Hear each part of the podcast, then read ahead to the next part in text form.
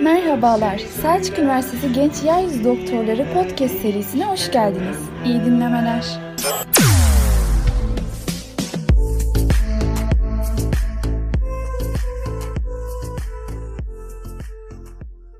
Herkese merhaba. Podcast serimizin yeni bölümüne hoş geldiniz. Bugün yanımızda İstanbul Adli Tıp Kurumu'ndan asistan doktor Merve Sinoplu Çekme var. Kendisi aynı zamanda Selçuk Tıp mezun hocalarımızdan biri. Bu bölümde kendisiyle asistanlık, adli tıp, TUS ve daha birçok konu hakkında sohbet edeceğiz. Öncelikle hocam davetimizi kırmayıp kıymetli vaktinizden ayırdığınız için gerçekten çok teşekkür ederiz. Dilerseniz hemen ilk sorumuza başlayalım. Adli tıp seçmeye nasıl karar verdiniz? Karar verişinizdeki etkenler neler oldu? Ee, evet, öncelikle hani bu yolun başındayken ben adli tıp uzmanı olmalıyım şeklinde e, tabii ki başlamadım. Benim hayalim her zaman bir kadın doğum uzmanı olmaktı. Oradaki o bebeğin gelişimini takip etmek, fizyolojisi eşliğinde doğumunu e, şahidi olabilmek e, benim için çok mucizevi geliyordu. Hatta eğitim sürecim boyunca da tüm bu stajlarım, seçmeli stajlarım, boş vakitlerim hepsini de kadın doğumda değerlendirdim. Çetin Hoca'nın desteğiyle açıkçası. Ben kadın doğumu çok seviyordum demeyeceğim, hala seviyorum. Ama tabii ki bu çalışma şartları, bu işte tec- edindiğimiz tecrübelerle birlikte yönümüz değişebiliyor. Yani mesela e, öncelikle kendimizi tanımamız gerekiyor. E, ben perifere gitmeseydim, periferde görev almasaydım pratisyen olarak, e, direkt kadın doğum yazsaydım kendimi tanıyabileceğimi düşünmüyorum. Düşünmedim açıkçası. Hala da perifere gitmeseydim direkt kadın doğum yazdığımda bazı şeyleri sorgulamayacağımı düşünüyorum. Ama perifere gittim. Gerçekten bu mesleği yaptığımda e, ben işi işte bırakamadım.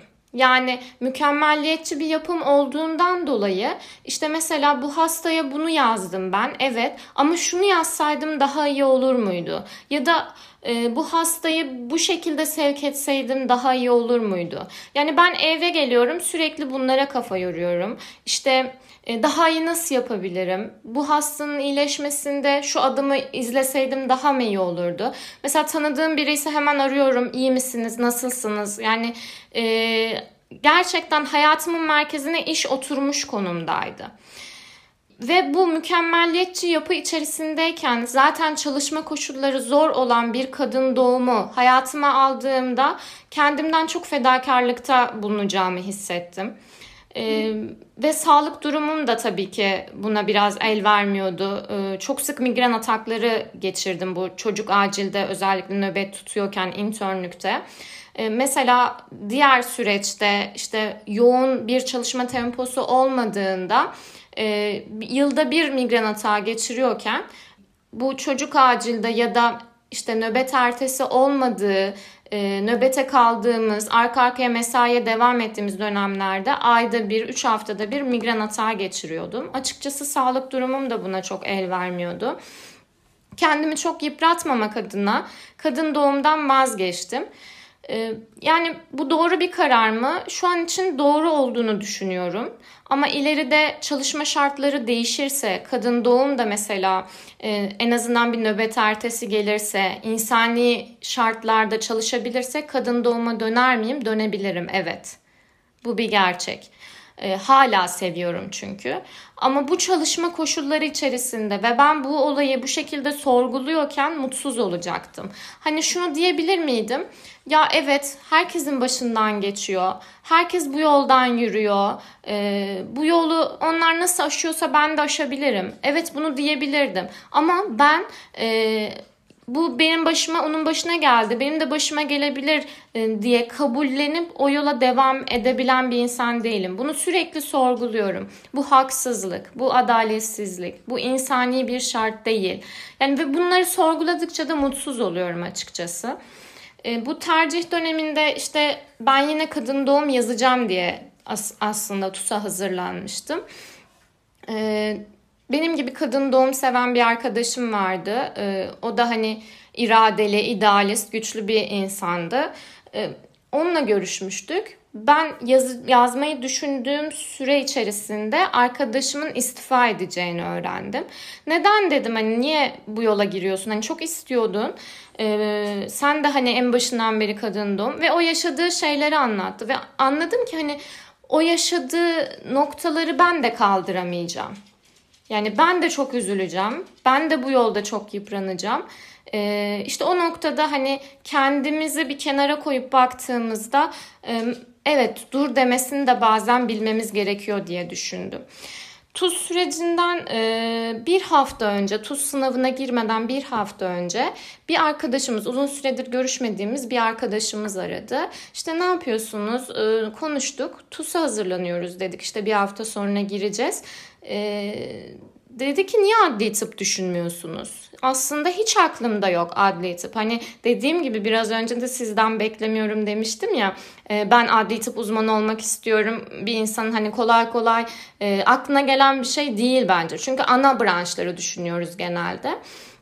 E, adli tıp uzmanlığı niye düşünmüyorsunuz dedi. Nasıl yani falan dedik. Bize anlattı işte avantajları, dezavantajları. Sonra zaten o an e, düşündüm ben de stajı ben çok sevmiştim. E, işte hatta yazılısından 98, sözlüsünden 100 almıştım. Ee, ve hani bizim o staj aldığımız dönemde otopsi de denk gelmemişti bize. O dönemin asistanı Selahattin abi vardı. Abi dedim ya beni çağır ne olur otopsi geldikçe numaramı vereyim çağır ben ineyim dedim. Hatta o işte otopsi geldikçe beni arıyordu. Ben aşağı iniyordum. Beraber otopsi yapıyorduk. Ama hiçbir zaman hani sevmeme rağmen bakın hiçbir zaman ya ben adli tıpı seçmeliyim gibi düşünmemiştim. Bazen gerçekten insanların çevremizdeki insanların dokunuşuna ihtiyacımız oluyor. Hayat hayatımızı yönlendirirken. Ee, uzun süredir görüşmediğimiz bir arkadaşımız bir hafta önce bizi aramasa belki de hiç aklımıza bile gelmeyecekti. Onunla görüştükten sonra iyice araştırdık tabii. Sonrasında Adli Tıp Kurumu'nu da ziyarete gittim. Ee, yani ben böyle hissiyatlarımla da hareket etmeyi seviyorum. Bu zamana kadar hissiyatlarımla hareket ettiğimde hiç pişman olmadım. Ee, görmem gerekiyor diye düşündüm. Gittim ziyaret ettim. Zaten bir girdim. Tavşanın birisi sağda duruyor. E5'in yanında e, bir binaya girmişiz, bahçeye girmişiz. E, hani İstanbul'da bu tür şeyleri görmek biraz imkansız hale geliyor maalesef. Bir girdik işte tavşanın biri sağda diğer tavşanı kovalıyor. İşte o zaman tabii böyle tam tercih bahar mevsimiydi. E, ağaçlar çiçek açmış. E, horozun biri ötüyor. Ya dedim burası ne kadar güzel bir yer. Çok etkilenmiştim tabii o dönemde. Dedim keşke burası gelse demiştim. Hani biraz yüksek kapatıyordu. Ee, ama kısmet geldi. Ee, memnunum şu anda da. Adli tıpı e, yani bir arkadaşımızın e, dokunuşuyla böyle bir yön verdik. Yani hayatta hiçbir zaman savrulan bir insan olmamaya çalıştım. Ee, ben kendim yön vermeye çalıştım. Dediğim gibi kadın doğumu hala çok seviyorum. Ee, insani şartlar altında çalışmak devam edilirse belki yine kadın doğum düşünebilirim. Ama şu an hayatımdan çok memnunum. Ben e, kendimi, sağlığımı ve e, sevdiklerime ayırabileceğim vakti düşünerek hareket ettim. Adli tıpta da şu an çok memnunum. Yani adli tıpı tercih etmeyi düşündüğünüzde ilerleyen zamanda da e, dezavantajları, avantajları daha ayrıntılı bir şekilde konuşuruz illaki. Çok teşekkür ederiz hocam. İnşallah bizler de severek yapabileceğimiz bölümleri tercih ederiz. Bunun için bildiğiniz gibi önümüzde bizi bekleyen bir tuz süreci var. Peki kendi tuz sürecinizi kısaca bizimle paylaşmak ister misiniz? Evet, tuz süreci gerçekten zor bir dönem. Hani hala derin bir nefes al, alıyorum farkındaysanız düşündüğümde. Ee, şöyle ki biz mezun olduğumuzda yani şu anki süreç nasıl işliyor Selçuk'da hani fakültede bilmiyorum ama biz internken çok e, yoğun bir internlük yaşadık. Yani TUS'a gerçekten çalışabilecek vaktimiz çok azdı. E, yani o çalışmamız tabii ki yeterli olmadı bizim için. Biz mezun olduk. Ardından e, periferin tadını da almak istedik açıkçası. Çünkü geriye dönüp baktığınızda o periferde yaşadığınız e, anılar gerçekten hayatınızı e, başka bir şekle, başka bir boyuta sokuyor. E, yaklaşık 3 yıllık bir perifer maceramız oldu bizim. 3 yıl uzun bir süre tabii ki.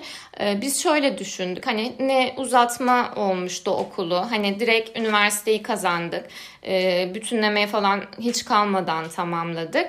Ee, zaten dedik hani oradan kayıplarımız yok. En azından periferi doyasıya yaşayalım. Sorumluluğumuz daha azken ee, ve tabii ki kazandığımız yer de önemli. Zonguldak'a gitmiştik. Ee, Zonguldak ve çevresi gezilebilecek yerler açısından çok idealdi bizim için. Ee, eşimle birlikte bayağı gezdik tozduk açıkçası arkadaşlar. Yani e, çok sevdik. Yedi Göller, Amasra, İnkumu, o bölge yemyeşil, çok güzel. Ama bir gün oturduk dedik ki biz sıkıldık. Yani bu süreç içerisinde evet gezdik, tozduk ama artık sıkıldık. Artık burası bize yetmiyor dedik. Ee, ama bir de o dönemde biz öğrenciyken nörolojide Şeref Nur Hoca e, hala devam ediyor zaten. Ee, bize demişti ki işte en güzel yıllarım periferdeki yıllarımda demişti o zaman anlam verememiştik hani ya perifer hani niye böyle? diyor. Ee, ama işe başlayınca evet gerçekten en güzel yıllarımız periferdeki yıllar oluyor.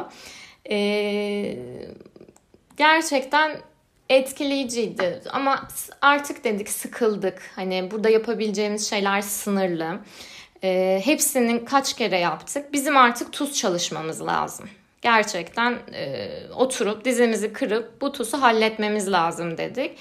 E, yani burada tabii yol arkadaşlığı da önemli. Hani kendi başıma yapabilir miydim? O süreci bu şekilde atlatabilir miydim? Bilmiyorum. E, eşimle birlikte işte işe gidiyoruz, istifa da etmedik. İşe gidiyoruz, geliyoruz, hemen yemeği yiyoruz, hemen baş, e, başına oturuyoruz. E, ve saatlerce çalışıyoruz. İş, ders çalışmak, iş, ders çalışmak. E, 4 aylık bir süreçti bizim için. Yani biz şöyle düşündük. Evet uzun bir süre içerisine yayılabilirdi. Ama o zaman uzun da bir süremizi feda etmiş oluyorduk. Hani dedik ki kısa bir sürede bunu halledelim. Ama o kısa sürede de gerçekten hakkıyla çalışalım. Başka hiçbir şey yapmayalım, kapanalım. 4 aylık bir süreçti bizim için. 4 ee, ayda yaklaşık işte 15 puan falan arttırdık. Ee, daha önce kitaplarımızı doldurmuştuk zaten. Hani e, hazırdı kitaplarımız. Ee, sadece güncelleme ve ders çalışma dönemi kalmıştı. Onları hallettik ve girdik. 30'da da tercih yaptık.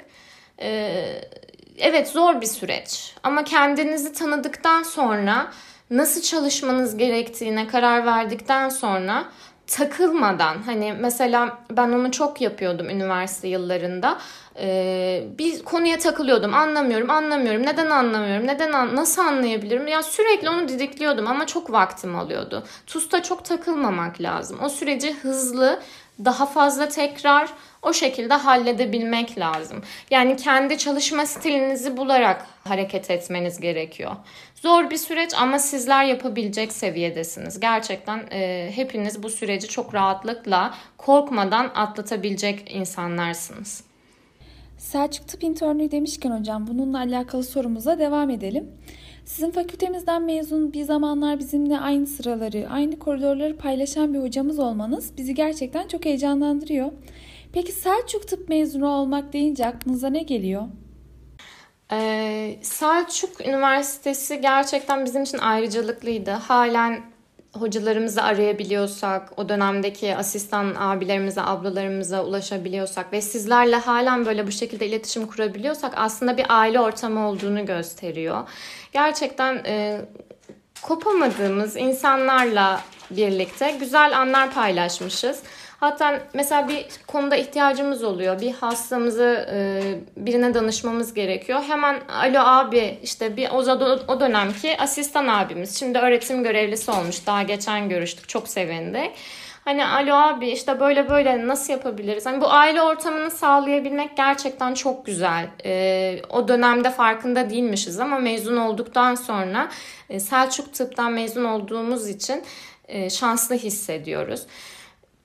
Ve çok donanımlı mezun olmuşuz. Yani biz perifere gittiğimizde e, diğer fakültelerden arkadaşlarla bir arada çalıştığımızda gerçekten donanımlı bir şekilde mezun olduğumuzu, korkmamamız gerektiğini, e, her işlemi, her eylemi e, kendi başımıza yapabiliyor olduğumuzu görünce kendimize güvenimiz bir kat daha arttı. Gerçekten donanımlı bir şekilde mezun oluyoruz Selçuk Tıp'tan.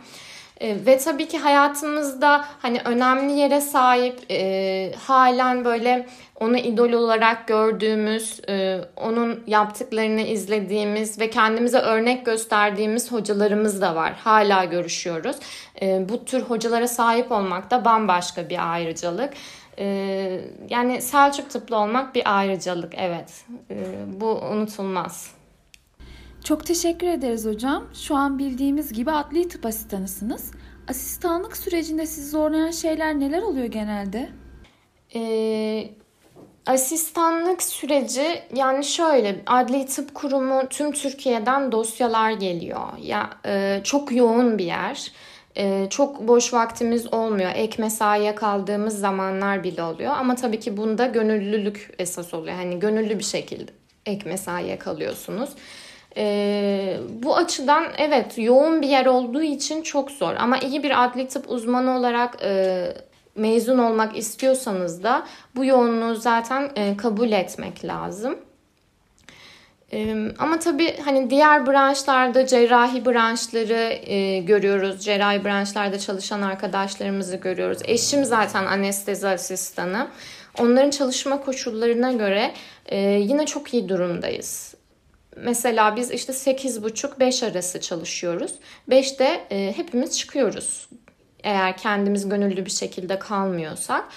E, ve iş işte kalıyor. Hani eve taşımıyorsunuz. Yani o açıdan rahatız. E, ben diğer cerrahi branşlardaki arkadaşlarıma göre rahat bir asistanlık süreci geçirdiğimi düşünüyorum. E, yani bir gece bir gündüz nöbetimiz var adli tıp kurumunda. Onun dışında e, evimizdeyiz. Kendimize vakit ayırıyoruz. E, tabii ki uzman olunca daha iyi oluyor şartlarımız, daha iyileşiyor. E, asistanlık süreci evet biraz zor ama diğer branşları gördüğümde yani kendi halime şükrediyorum. Durum bu yani. Evet hocam bizim de gelecekle ilgili kaygılarımızdan biri de aslında bu daha insani, daha normal çalışma şartlarının gelmesi dileğiyle diyerek bir sonraki sorumuza geçelim. Karşılaştığınız ya da yaptığınız otopsilerin hikayeleri sizi çok etkiliyor mu? Etkiliyorsa bu etkiden nasıl kurtuluyorsunuz? Evet yani şöyle mesela olay yerine gidiyoruz. Olay yerine gittiğimizde bir içilmiş bir su bardağı, oynanmış bir işte PlayStation oyunu mesela ya da işte söndürülmüş bir sigara Evet orada bir hayat varmış, bir yaşanmışlık varmış. Onu hissediyorsunuz. İşte bir intihar mektubu. Ee, bunları hissediyorsunuz, şahit oluyorsunuz. Etkilenmiyorum demek e, belki haksızlık olur ama hani bir rüyalarıma girme, gözünün önüne gelme bu tür şeyler de olmuyor açıkçası. Ee, yani ben heyecanlanıyorum. Güzel bir heyecan oluyor aslında e, olay yeri, onun otopsisi, işte e, yaşanmış bir vakanın dosyası geliyor önümüze. Olayları okuyoruz, konuşmuş konuşmaları okuyoruz. E, bunlar gerçekten her bir hayata şahit olunuyor. Her bir hayatı roman okuyormuş gibi e, bir yandan böyle okuyarak içinde buluyorsunuz kendinizi. Hani etkilenmiyorum demek haksızlık olur ama e, hayatımı yönlendirme açısından da e, kısıtlı diye düşünüyorum. Hani sonuçta çok etkilendiğimizde bir rüyamıza girecektir ya da e, bilmiyorum gözümüzün önüne gelen bir şeyler olacaktır. Hani o tür şeyler yok aslında. Ha şu var mesela işte bir ilkokul öğretmeni örnek veriyorum. Bir ilkokul öğretmeni öğrencilerine mesela e, cinsel istismarda bulunuyor. O zaman diyorsunuz ki e, evet bir kızım olursa belki de bir erkek öğretmene kaydettirirken 10 kere düşünmem gerekir. Hani bu konularda biraz daha tedirgin oluyorsunuz. Mesela e, insanlarla ilk tanıştığımda daha böyle e, ön yargı demek istemiyorum ama daha dikkatli böyle bir konuşmaya giriyorum. Daha böyle ölçüyorum hani o insanda bu tür şeyler var mı? E, ister istemez öyle bir nasıl diyeyim bir baraj oluyor açıkçası. Çünkü gerçekten tanıdığınız insanlar farklı insanlar yani. E, bu olaylar farklı olaylar ve o kadar sık yaşanıyor ki hani dosyaları okudukça, gördükçe o sıklığa da şaşırıyorsunuz. Ee, evet etkiliyor hayatımı ama hayatımın bir noktasında dur diye diyebilmek gerçekten güzel oluyor. Yani e, zaten etkilemezse bence problem var demek. Hani empati kuramıyoruzdur e, ya da bilmiyorum sahip çıkamıyoruzdur vakamıza. Hani bazen böyle e, yaşayabilmek lazım, canlandırabilmek lazım bence. E, ama bunlardan bilmiyorum kolaylıkla sıyrıldığımı da düşünüyorum yani. Bu noktaya gelebilmek önemli bence. Yani bunun için ekstra bir şey yapıyor muyum diye düşünüyorum. Yani eşime de sorayım. Ekstra bir şey yapıyor muyum sence? Yapmıyorum değil mi? Ya yapı herhalde biraz yani. Ee, mesela ben eşime anlatıyorum hani bak böyle böyle olmuş. Ya diyor nasıl bunu atlatabiliyorsun nasıl böyle bir şey? Ee, ben olsam yapamazdım diyor mesela. Yani işin içindeyken o iş olarak görülüyor bence bir film izlerken bir yaşanmış bir hikayeyi dinlerken ben daha çok etkileniyorum mesela kendimi ağlıyorken bulabiliyorum hani o filmi izlerken Oysa ki o filmden çok daha fena bir şeyi biraz önce ben belki de e, ölüm muayenesini yaptım. Hani görüyorsun, şahit oluyorsun ama yani o film kadar etkilenmiyorum mesela. Çünkü o iş hani iş olarak bakmaya çalışıyorum. E, o baya bir yardımcı oluyor galiba. Profesyonel manada yaklaşabilmek önemli belki de. Artık bu keyifli sohbetin yavaş yavaş sonuna yaklaşıyoruz. Son sorumuz da şöyle hocam. Tüm bu serüvenin ışığında şu an sizi dinleyen öğrenci arkadaşlarımıza ve bize tavsiyeniz ne olurdu? Babam hep şunu demiştir bana. Hani dağda bir çalı olacaksan bile o en iyi çalı sen olmalısın demişti. E, hayat bizi sürüklüyor. Bir rüzgara e, kapılıp gidiyoruz bazen. O sürüklemede gerçekten hayattaki yönünüzü siz belirleyin. Mesela e, evet radyolojinin puanı çok yüksek. Kazanmak isteyen birçok kişi var. Ama ben kendimi düşünüyorum. Ee, karanlık bir odada işte bir film bakıyor ya da işte bir MR yorumluyorken ben mutlu olacak mıyım? Hayır. Bu, bu, bu iş bana göre değil. Mesela eşim anestezist. Anesteziyi çok istiyordu. Ee, ben düşünüyorum anestezinin evet avantajları var ki puanı da yüksekti şu an Covid'den dolayı bayağı düştü avantajlı konuma geldi ama e, ama ben ameliyat sürekli ameliyat ortamında duruyor olmak beni çok mutlu etmeyecekti bu hayat bizi sürüklüyorken kendimizin nasıl mutlu olacağını çözüp yani kendimizi çok iyi tanıyıp ona göre yön vermemiz gerektiğini düşünüyorum. Yelkenimizi ona göre çevirmemiz gerekiyor diye düşünüyorum. Öncelikle kendinizi çok iyi tanıyın. Nasıl mutlu olacağınızı, nasıl hayatta e, beklentilerinizi daha iyi karşılayacağınızı e, kesinlikle çözüp ondan sonra adım atın. Bizim şöyle bir avantajımız var. Tıp fakültesi gerçekten e, çok büyük bir dönen kavşak aslında. Biz mesela şu an adli tıpa döndüm ben. Adli tıpta ilerledim.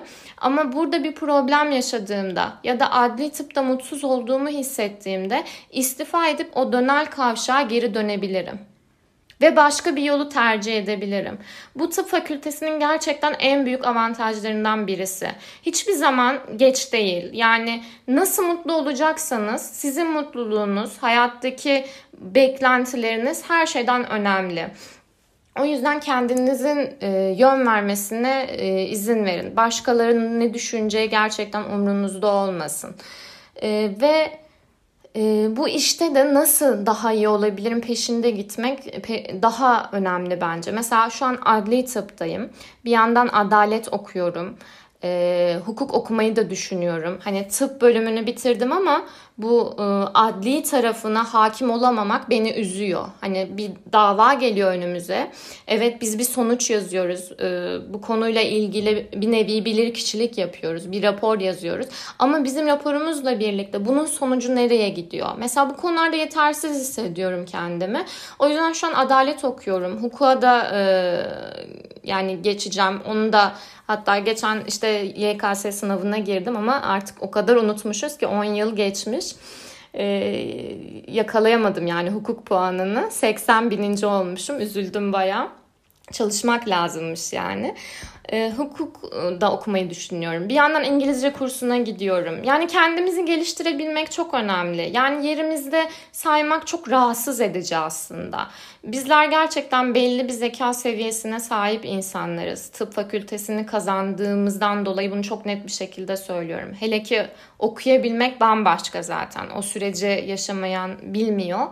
Ee, o yüzden kendimizi sürekli geliştirmeliyiz. Daha iyi nasıl olabiliriz? Bunları düşünmeliyiz. Ee, ve bazen piyano mesela, dans kursu bunlar biraz Covid'den dolayı işte e, ertelenmek zorunda kalan şeyler ama hep aklımda olan şeyler. Bunları gerçekleştirebilmek önemli. Kendimize vakit ayırabilmek önemli. Ee, o yüzden önce siz arkadaşlar ne olursa olsun önce kendiniz. Hani e, hayata atıldığınızda e, bazı şeyler yaşadığınızda evet diyorsunuz gerçekten ben sağlamsam eğer gerisini bir şekilde hallederim. O yüzden e, hiç korkmayın. E, hayatınızda her zaman tercihlerinizi değiştirebileceğiniz, kendinizi tanıdıkça yeni yollar çizebileceğiniz dönemler olacak. Hiçbir zaman geç değil. Ee, o yüzden korkmayın. Nasıl istiyorsanız, nasıl mutlu olacaksanız o şekilde bir yol çizin. Benim şu anki en büyük tavsiyem bu. Tekrar çok çok teşekkür ederiz hocam kırmayıp katıldığınız için. Gerçekten çok keyifli ve verimli bir sohbet oldu benim açımdan. Umarım siz dinleyenler de benimle aynı keyfi yaşamışsınızdır. Bir sonraki bölümde görüşmek dileğiyle sağlıcakla kalın, hoşça kalın.